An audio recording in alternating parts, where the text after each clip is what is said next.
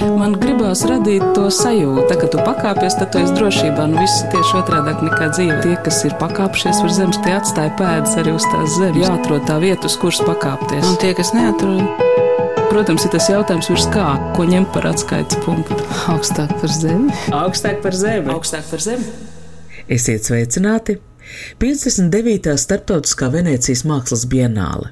Mākslas festivāls ar bagātīgām tradīcijām pirmo reizi tas tika sarīkots 1895. gadā, un kā leģenda vēsta par godu Itālijas karaļa Umberto I un Savojas Margaritas sudrabkāzām. Toreiz tajā esot piedalījušies vien 16 mākslinieki. Šobrīd Bienāla izaugusi par vienu no pasaules mākslas tirgus vērienīgākajiem notikumiem ar ārkārtīgi plašu nacionālo paviljonu geogrāfiju. Latvija Venecijas mākslas bienālē piedalās kopš 1999. gada.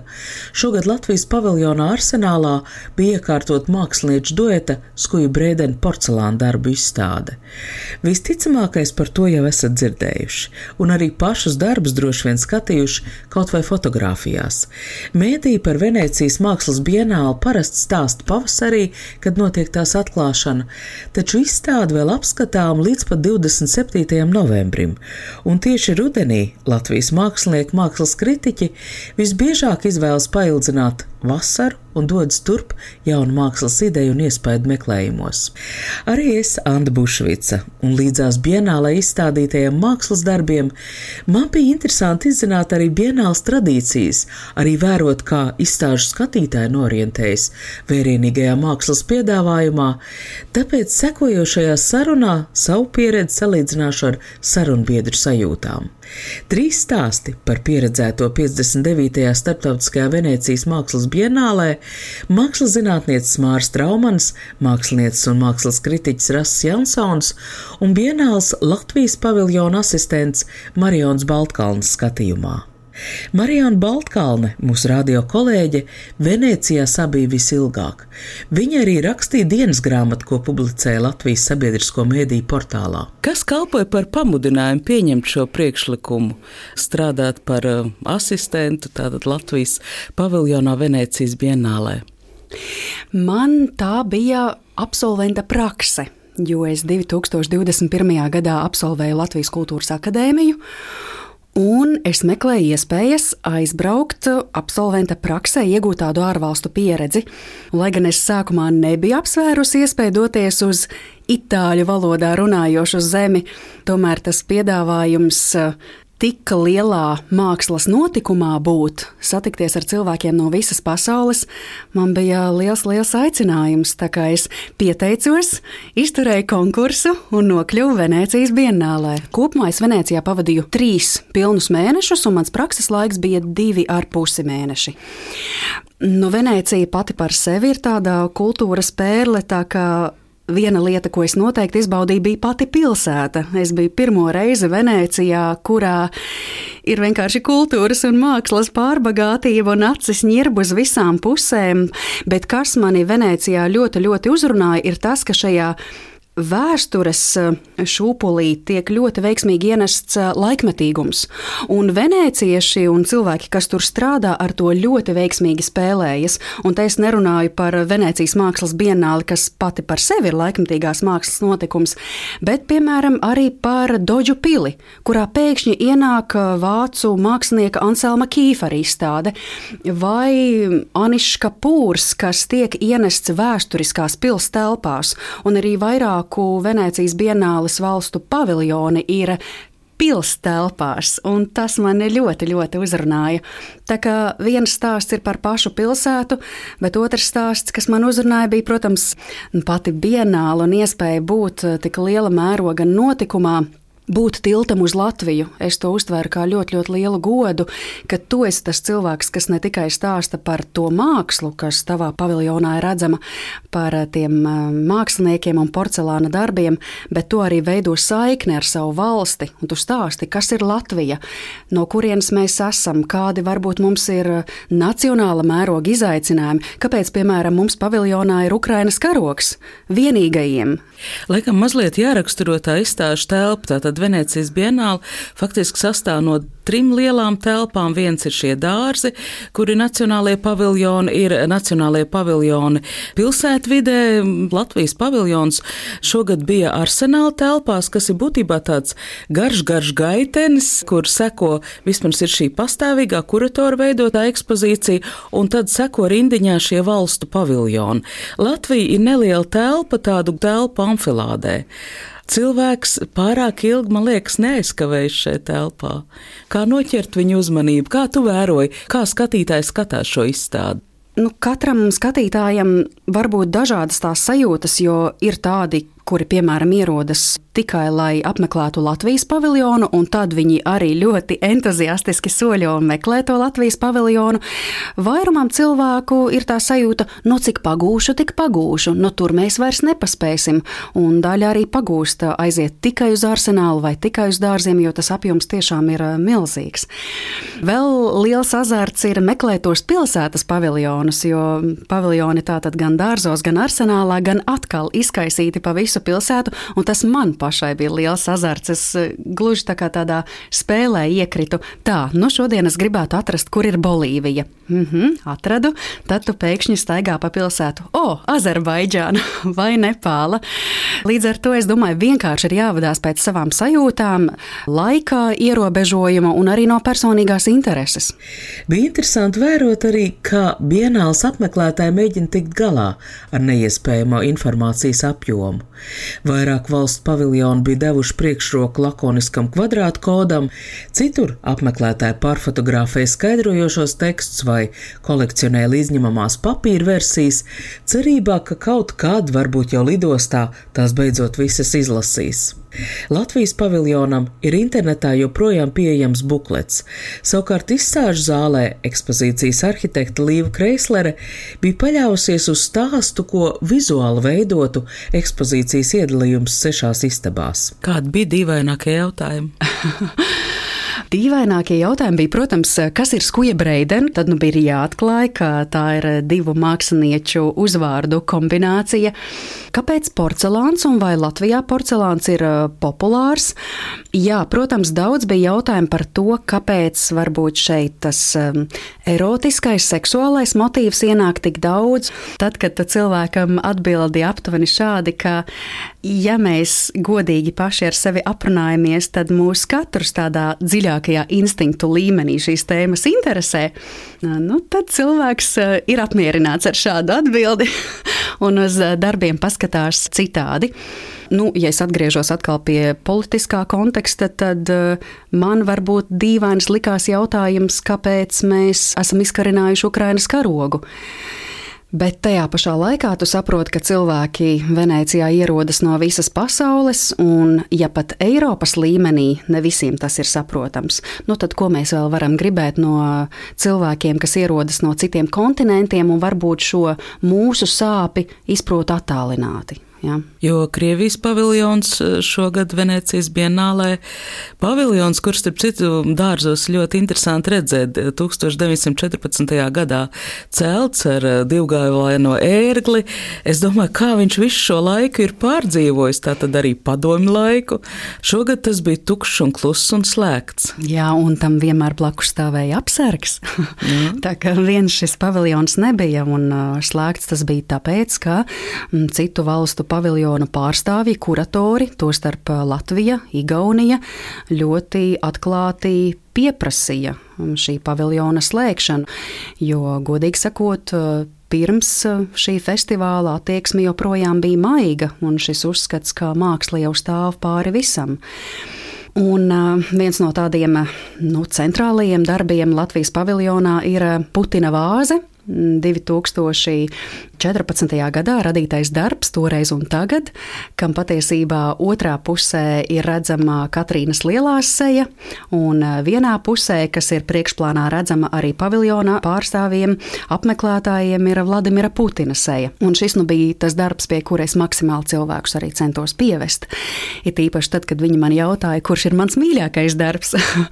Šī vāze varbūt vizuāli nebija tā, ko es novērtētu kā tādu sev iecienītāko, varbūt vizuālā ziņā mani daudz spēcīgāk uzrunāja gulta. Ja mēs radījām gultu, kas ir arī guļamistabas vienas no sešu istabu sastāvdaļām, bet es uzskatīju to par savu pienākumu apmeklētājs vest pie šīs vāzes un skaidrot, kas šobrīd notiek pasaulē, kad tā ir radīta, kā starp citu šī vāze ir piedzīvojusi cenzūru arī Latvijā.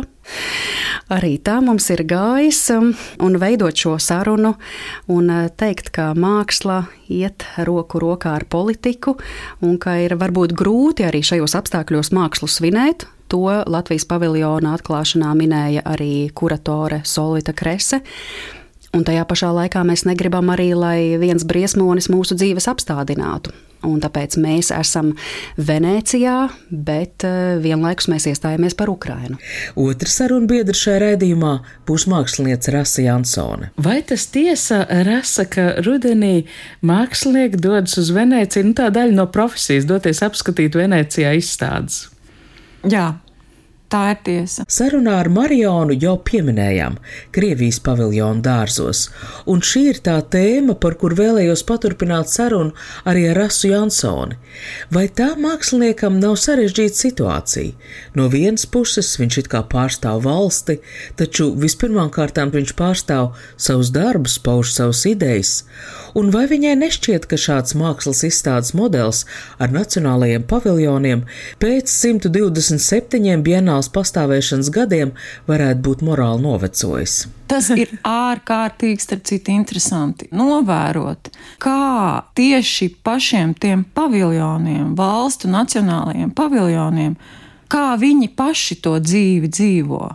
Šogad es pirmo reizi pamanīju, ka Serbijas paviljonam, tas, kas man vienmēr licies, nu, tas ir Serbijas paviljons. Nu, šim paviljonam milzīgi, milzīgi balti burti ir uz jumta daļas Jugoslavijā. Un tad es tā sāku domāt, vai viņi ir tur ielaiduši iekšā kādreiz tur Bosniju, Hercegovinu, piemēram.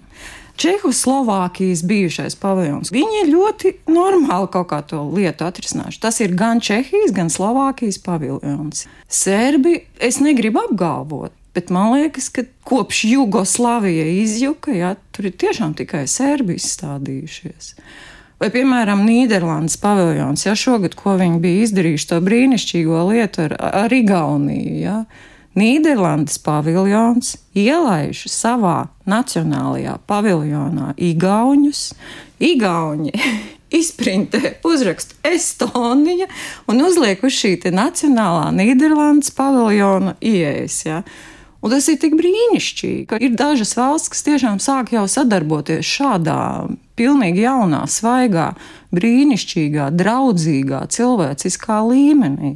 Un tieši tāpēc, lai tu ieraudzītu, ka notiek tās pārmaiņas, jā, ir vajadzīgs šis arhaiskais komplektiņš, šis pilnīgi, nu, pasaku namiņu, tā pārblīvētā, tā Giardīnī parku teritorija. Tie paviljoni jau viens par otru nu, neiedomājamāki. Jā. Kā līdzīgi piemēru varētu minēt arī Ziemeļvalstu paviljonu, kurš sadarbojoties Norvēģijai, Somijai, Zviedrijai, bija pārvērsts par sāmu paviljonu. Caur mākslas darbiem, video un audio liecināja par ziemeļbriežu ganu kultūras cīņu par tradicionālā dzīvesveida saglabāšanu. Vairākos paviljonos, jo sevišķi spēcīga Malgožatas mirgas tas lielizmēra tekstildarbos Polijas paviljonā tika atspoguļota Romu tautības cilvēku dzīve. Paviljoni, kam kādreiz bija jāatspoguļo attiecīgās valsts varenība un gaume, šajā bienālē bija gatavi sadarboties un kalpot vēstījumam. Arī pašas ēkas, kā piemēram tas notika Simonas Lī noformēta Amerikas Savienoto Valstu paviljonu gadījumā, kļuva par izstādes daļu. Man vienmēr arī bija licies, ka tas amerikāņu paviljons, nu, viņš ir tāds klasicisms stilā, tāda tīra ēka, viņš ir tāds milzīgs un liels. Un šoreiz, vai tāpēc, ka viņai bija tomēr palielas skulptūras, dažas no viņām, jā, viņš likās ļoti tāds cilvēcisks. Simons Līs izstāda vēstīja par afrosieviešu pieredzi. ASV paviljona ārpuse tika pārvērsta 1931. gada Parīzes koloniālās izstādes Rimeikā. Klasiski baltā celtne, apjumta ar zāles kūļiem, priekšā lielizmēra koka dievietes statuju un laikam jau tieši tā baltais cilvēks iedomājas eksotiskas zemes dzīvesveidu. Iekšpusē Simons Lī veidotās statujas. Tātad tā bija liela izmēra keramika, apstrādāta ar glazūrām. Un tas, kā viņa ir atrisinājusi realistiskas skulptūras, sejas ādu. Ja? Tu neņem hiperreālisma atstrādātos materiālus, tiksim, tur silikonu un nesadurst viņu ar adatiņu un neiestādi viņā tiešām dzīvus matus. Ja? Nē, viņi izveido šo seju no akmens masas, diezgan robusti un pārklāja viņu ar glazūru. Bet glazūra cepoties krāsnī, viņa vietām sadurstās. Tur veidojas tāda tā kā burbulīša, viņa vietām plīst, vietām viņa tā kā bedrīti izveido. Un šī te glazūra, veids, kā strādā glazūra, izveido ticamu ādas faktūru. Lūk, šādas smalkas, tiešām tehniskas lietas. Nu, protams, tev mazliet ir arī jābūt pietrenētai acī uz, nu, tev jāmāk atšķirt, nu, ka šī tiešām ir glazūra, ja? nevis veidojums no rokas. Un es domāju, mākslinieki, ka to ieraudzīja šīs smalkās nianses, ja? nu, tad viņiem tajā brīdī ir nu, tas, ko mēs saucam par katars. Ja?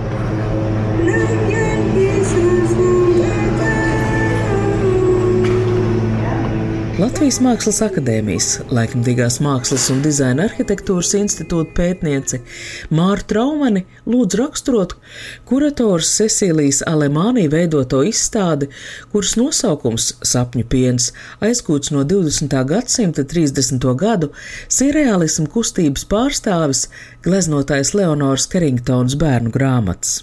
Šajā pasaku grāmatā Sapņu piens tēlota fantasmagorisko hibrīdu radību pasaule, kurā katrai radībai ir neierobežotas iespējas mainīties, pārveidoties, kļūt par kādu vai ko citu.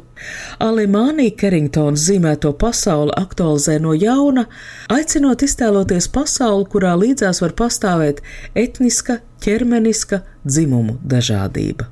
Šī gada Venecijas bienāle ir politiska tajā aspektā, ka tur piedalās ļoti daudz mākslinieces, kas ir uzaicināts Venecijas Čečīlijas Alemānija kurētajā izstādē un kas tiešām koncentrējusies arī uz uh, mākslinieču veikumu un mākslinieču pienesumu mākslā, jo no 20. gadsimta sākumiem, no avangarda, no futūrisma un no dadaistu pozīcijām līdz mūsdienām. Viņai ir kaut kāds šāds politisks ieskats, bet vienlaicīgi jāsaka, ka viņa vairāk arī ir pievērsusies šādai mākslinieku darbībai tradicionālajos mēdījos, tā kā glezniecība arī tekstilmāksla, grafika, ir ļoti daudz stājmākslas projektu, ir mazāk fotografijas, kuras, piemēram, izstādē, ko es esmu paspējusi apskatīt arsenālā, ir tikai, manuprāt, viens, divi darbi fotografijas mēdījā. Zemilkov trīms, sapņu piens, kā to ir definējusi kuratora atsautoties uz seriālismu mākslinieces sarakstīto grāmatu Zemilkov trīms. Jā, es domāju, ka šī pozīcija ir apzināta retrospektīva. Viņi iekļauj sevī šos aktuālos patreiz posthumanisma, feminisma un citu skatījumus, arī tādu ļoti subjektīvu darbu izcelsmes, kaut kādus inspirācijas vai iedvesmas avotus. Bet, um, manuprāt, šajā visā tajā ļoti individualizētā un subjektīvajā skatījumā tur pazūd tās mūsdienu laikmetīgās norises. Varbūt arī lielā mērā šī izstāde tapos Covid laikā, un līdz ar to, teiksim, šis laikmetīgais aktuālais sociālā telpa vai laikmetīgās politiskās norises, viņas nav iekļauts. 59. starptautiskās Venecijas mākslas bienāls atklāšana notika pavasarī, un pavisam noteikti mākslinieku darbos reakciju uz karu Ukrainā nebija iespējams iekļaut. Šī gada Venecijas mākslas bienāle tīri skaitļos iezīmīga ar to, ka pirmo reizi tajā ir dalībnieču sieviešu pārsvars. Tas atspoguļojas arī kurators veidotās izstādes tēmās - mīts, sievišķais sākums, iedziļināšanās savās iekšējās bailēs. Šī izstāde iezīmē viņu it kā vienlaicīgi, viņi ir ļoti tāda introverta un viņi balstās uz tādām mākslinieku subjektīvajām pozīcijām, un vienlaicīgi viņi arī iezīmē kaut kādus tos diskursus, kas ir aktuāli šajā mākslas teorijas filozofijas tāpā jau kaut kādu ilgāku laiku, kas ir posthumanisms, kas ir šī cilvēku un dabas dualismu nojaukšanu, kad ir kā skatot to, kā mēs visi piedaram vienotai sistēmai un kā ir iespējams veidot šīs attiecības gan ar dzīvniekiem, gan ar nedzīvo dabu un uh, cik ļoti šī pasaule saistīta, ka šī savās dažādajās izpausmēs gan arī tāpat eh, iezīmējās teiksim, mākslinieku biogrāfijās, kas ir eh, kā, anotācijās, kas pavada mākslinieku darbus, kad ļoti daudz ir mākslinieki, kas nāk no reģioniem un kuru darbība līdz šim nav zināma tādā plašākā mākslas kontekstā. Šī nav tāda mākslinieku zvaigžņu superstāra izstāde, bet tas vairāk tik tiešām izceļot kaut kādas mākslinieckās pozīcijas ārpus šīs rietumu Eiropas ietekmes zonas, ārpus rietumu Eiropas kanāla kanona un konteksta, kur parādās mākslinieki no Haiti, mākslinieki no Taizemes, mākslinieki no dažādām citām valstīm, no daudz, kas ir imuši valstīs, kas bieži vien tiek piedāvāts tā kā trešajās pasaules valstīs, ieguvuši izglītību rietumos vai arī migrācijas ceļā nonākušajās rietumu valstīs un joprojām strādā ar kaut kādiem mītiem un savu kultūras mantojumu vai kaut kādām tur uh, kultūras tradīcijām, kas viņus ir ietekmējuši. Šī gada Venecijas mākslas bienāls darba geogrāfija ir ārkārtīgi plaša. Kopumā 80 nacionālās prezentācijas, tos tostarp Kamerūnas republikas, Namībijas, Nepāls, Omānas sultanāta, Ugānas ekspozīcijas. Arī Mārs Traumans novērtēto nacionālo paviljonu vidū bija Jaunzēlandē, kas tieši no tāda kvīra skatu punkta analizēja Vincenta van Gogha gleznas, kas bija tapušas arī šajā okeānijas reģionā, tātad arī tur bija tāda šī kvīra kopiena, kas kopīgi izdiskutēja katru van Gogha gleznu no mūsdienu pozīcijām, un tādu ļoti lielu humoru devu to arī pārinterpretēja mūsdienu skatītājiem. Singapūras paviljona ekspozīcijas pamatā bija vērienīgs pētījums. Jā, iznīcinātās grāmatas un zudušās bibliotēkas. Tas arī bija tās lielāks māksliniecisks pētījums, kas veikts pēdējos desmit gados un kas veltīs tieši šeit eh, zudušo bibliotēku un iznīcinātās literatūras eh, tēmai dažādās valstīs, un arī izpētot šos gan politiskos grāmatu aizliekšanas kontekstus, gan arī ekonomiskos, piemēram, kādēļ dažādas bibliotēku ēkas tiek eh, renovētas un nodotas citām funkcijām un vairs netiek izmantotas kā bibliotēkas, vai arī kādēļ, piemēram, kaut kāda sociālisma laikā tapušie raksti tiek nodoti fondos un būtībā pazūd no šīs mūsdienu nu, vēstures rakstīšanas, ne tikai nodot fondos, bet būtībā glabāt sliktos apstākļos un pazūd no mūsdienu šīs zināšanu kopas, kas tiek uzkrāts. Kas eh, varbūt tev vairāk uzrunāja? Ļoti daudz man likās roku darba tieši. Jā, Jā, un tas bija arī ļoti, ļoti burvīgi. Man uzrunāja tas, kas bija tiešām uzkrītoši, ka tāda milzīga mēroga darbi, tādi, nu, tādi uz āršķirību vērsti, tādi, nu, kas ar tādām milzīgām plaknēm strādā, nu, tā kā kīfers, piemēram, Dodžpilī. Tāda faktiski nebija. Ka tas darbu mērogs, pirmkārt, bija cilvēcisks. Nu, kad tu skaties uz darbiņu, tu saproti, ah, nu jā, tu viņu spēj aptvert, tu apmēram spēj saprast, kā viņš ir taisīts Un, protams, tas visi šie materiāli, jā, kas izsenis ir bijuši kā tie otrās šķiras materiāli, nu, kas nav tur cēla, bronza vai tur ļoti dārgi izsmalcināti telniecības materiāli, bet adījumi, pinumi, kolāžas, kas man pārsteidz, bija ļoti daudz brīnišķīgas kolāžas vīriešiem, māksliniekiem. Nikolā šobrīd aktuāli. Jā, jā brī, tieši tas man arī nu, pārsteidz, jo tā ir pilnīgi sakritība. Ir, jā. Es kolāžu mm -hmm. sāku taisīt Covid izmisumā, jā, ka mēs visi sēdējām mājās un nesapratām vispār, ne kas tas būs, ne, ne kā mēs ar to tiksim galā, ne viss veikali ciet.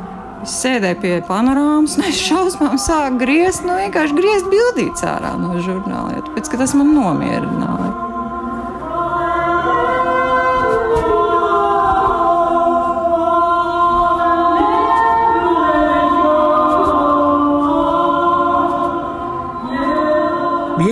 Vienlaikus ir dažādu valstu mākslas reprezentācija, taču tā ir arī sacensība. Šogad 59. Venecijas mākslas bienālē par labāko nacionālo ekspozīciju starptautiskā eksperta žūrija atzinusi Britu paviljonu, kur veidojas māksliniece Sonja Boise. Vaicāja par viņas sajūtām arī Marionai Baltkalnei. Jā, man īstenībā patika uzkavēties Lielbritānijas paviljonā klausīties šīs balsis, varbūt arī tāpēc, ka Es pati esmu ilgu laiku bijusi saistīta ar eh, vokālo mākslu tādā ziņā, ka es esmu apmeklējusi vokālās nodarbības un arī mēģinājusi saprast savu balsi, tas ir tas, ko Lielbritānijas paviljonā šīs vairākās sievietes mēģina izdarīt, atbrīvot savu balsi tajā brīdī, kad tu nedomā par to, ka citi uz tevi skatās. Šī ideja man uh, likās simpātiska, vēl jau vairāk atpazinu arī vienu tādu, nu, populārajā mūzikā ļoti lielu vārdu Tanita Tikarama, kur arī piedalās šajā video materiālā. Un par Franciju man bija arī pozitīvas sajūtas. Tātad otrās vietas ieguvēja, kur vairāk ir apspēlēta kino scenāriju tēma, kino uzņemšanas vietas. Tostarp eh, viena no paviljona telpām ir iekārtota kā Torijas Koles uh, filmas uh, balle vieta. Jā, tur arī bija patīkami uzturēties. Un savukārt tādi, par kuriem bija dzirdams mazāk, mani ļoti aizkustināja. Nu, piemēram, Venecuēlas māksliniece un Venecuēlas paviljona paviljons, kas atrodas turpat dārza teritorijā, ar tādām naivās mākslas glezniņām. Man ārkārtīgi likās pievilcīgs, un, uh, ja es varētu iedot kādu balvu, tad es noteikti šai māksliniecei gribētu kaut ko piešķirt. Kam tu būtu devuši zelta lauvu? Vīrietim no Beļģijas paviljona video māksliniekam, Alī, Alais. Es nekad nespēju, nemāku pareizi latviskot viņu uzvārdu. Tikai un vienīgi video darbi. Un šajos video darbos ļoti ilgā laika posmā viņš tos bija filmējis. Tāda tā kā biblioteka, viņš bija krājis šos darbus. Braukājis apkārt pa pasauli un filmējis bērnu rotaļas Āfrikas valstī, man liekas, tas bija Kongo. Āfrikas bērni milzīgos litija mm, izdeģu izrakumu kalnos, ekoloģiski netīrā mirušā vidē.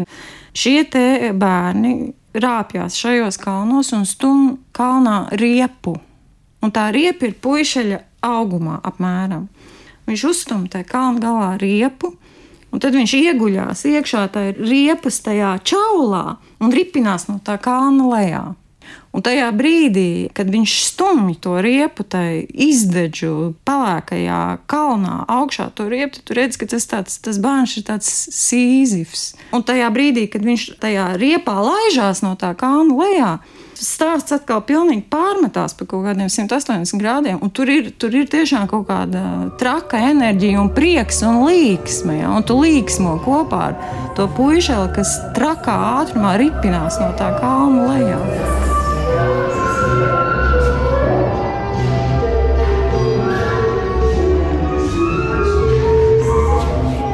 Teiksim, Beļģijas bērni, gliemezīšu skriešanās.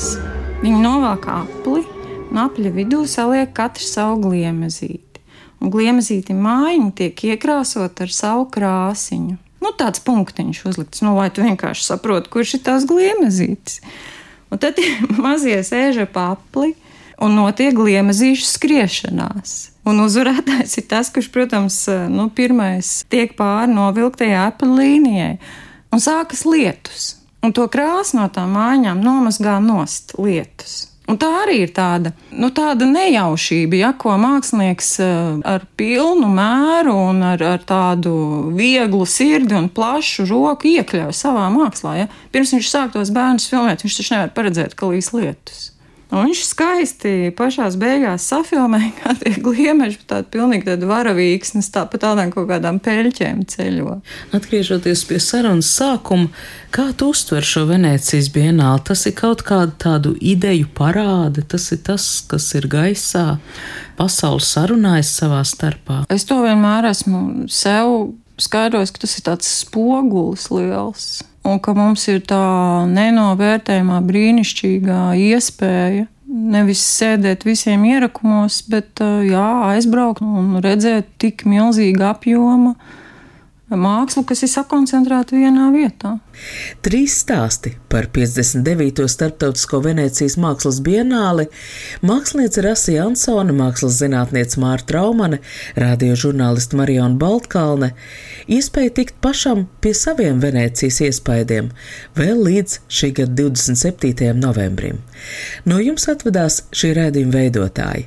Ar jums sarunājās Anda Bušvica, par skaņu gādāja Valdis Raitums. Tā kā tu pakāpies, tad tu esi drošībā. Nu, viss ir tieši otrādi nekā dzīve. Tas ir tā spēle, jā. Tie, kas ir pakāpšies virs zemes, tie atstāja pēdas arī uz tās zemes. Protams, ir tas jautājums, ko ņemt par atskaites punktu. Nē, nu, principā ir skaidrs, augstāk par zemi. Jāatrod tā vieta, uz kuras pakāpties. Augstāk par zemi. Augstāk par zemi. Augstāk par zemi.